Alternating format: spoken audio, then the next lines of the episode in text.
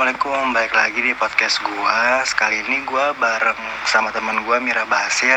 Doi adalah pendiri fo- founder dari Warung Abi, restoran kekinian buat lo kaula muda yang Instagramable yang pengen cari inovasi. Gua rekomendasi untuk nongkrong di sini.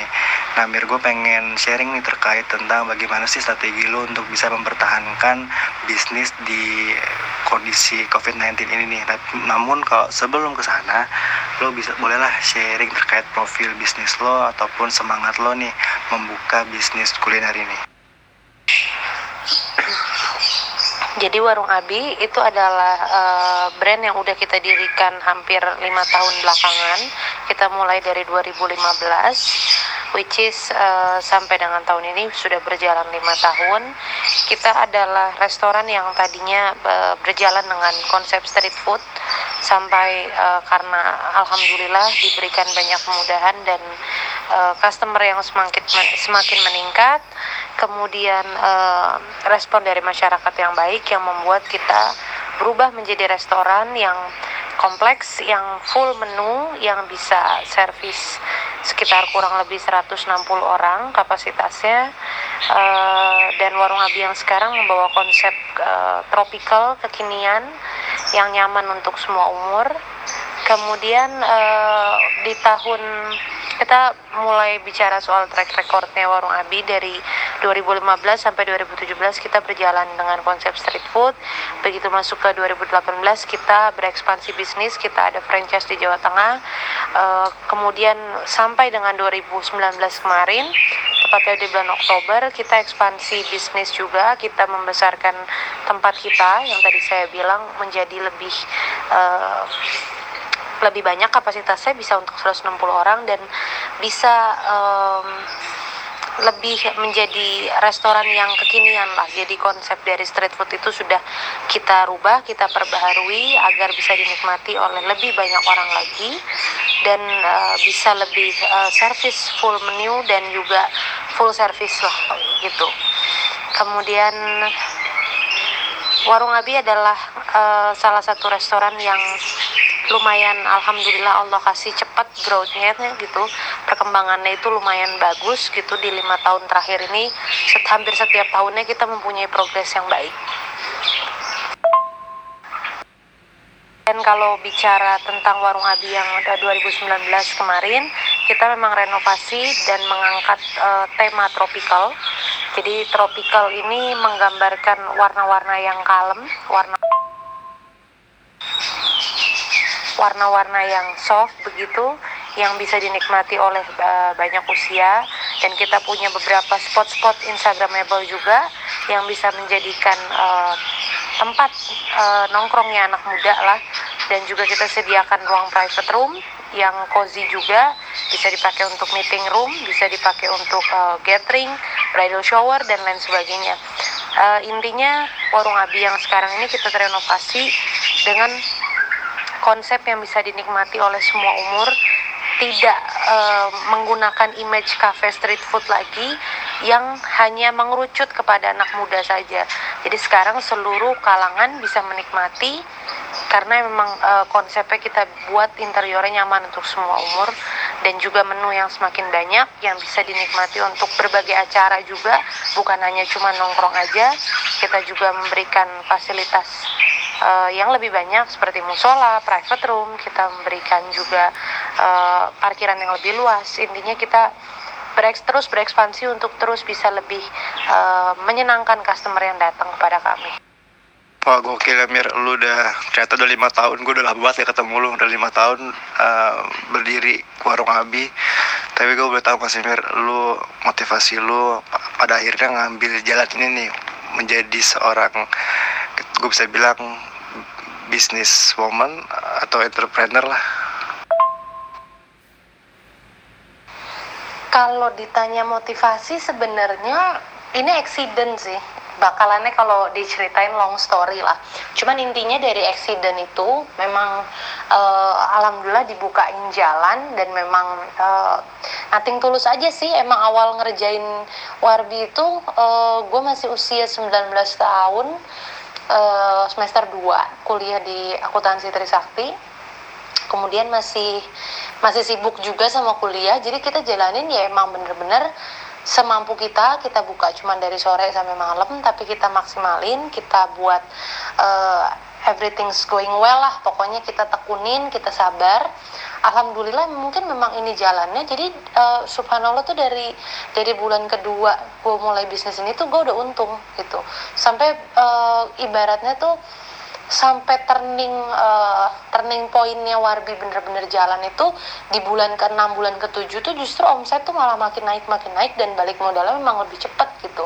Jadi ya itu yang mungkin memotivasi karena kita tahu oh di sini berarti emang ada uh, pasarnya dan menurut gue sih gue nggak bisa nebak passion gue apa. Mungkin passion gue adalah organize something tapi mungkin ternyata uh, jalannya itu adalah organize sebuah restoran dan alhamdulillah berhasil. Jadi sebenarnya sih kalau ditanya motivasi mungkin memang sudah jalannya dan melihat ada peluang ya kita harus manfaatin peluang itu karena nggak gampang dapatnya dan ya alhamdulillah lah sampai sekarang. Mungkin sih uh, singkat ceritanya adalah kalau boleh uh, sharing di sini bahwa memang kalau gue adalah tipikal orang yang percaya bahwa berdoa dulu baru berusaha. Jadi pada saat accident itu terjadi, gue harus take over restoran ini dengan paksa, dengan mau tidak mau arahan dari orang tua gue harus take over restoran ini. Gue bener-bener yang yang bener-bener berdoa aja sama Allah tiap hari ya Allah kalau emang ini passionku emang ini jalanku ini semua karena uh, arahanmu tolong dimudahkan tolong dijal tolong bantu untuk jalanin dan bantu aku untuk bisa memaksimalkan apa yang aku punya. Dan dari situ bener-bener kejawab gitu bener-bener sama Allah tuh didorong gitu gue gitu bener-bener untuk jalanin. Jadi gue bukan tipikal orang yang percaya bahwa berusaha dulu baru berdoa. For me berdoa dulu baru berusaha karena Allah yang jauh lebih tahu kapasitas manusianya Jadi kalau gue bilang itu the power of doa lah Mir ya Emang Allah tuh gak bakal ninggalin hambanya yang lagi kesusahan lah Nah Mir balik ke kondisi saat ini Mir Mungkin terakhir gue pengen nanya dengan segudang pengalaman lo itu tuh menghadapi kondisi saat ini kondisi COVID-19 yang di mana pemerintah memberikan kebijakan kita harus standby di rumah untuk meminimalisir penyebaran COVID. Nah, bagaimana strategi lo untuk bisa menghadapi kondisi-kondisi saat ini?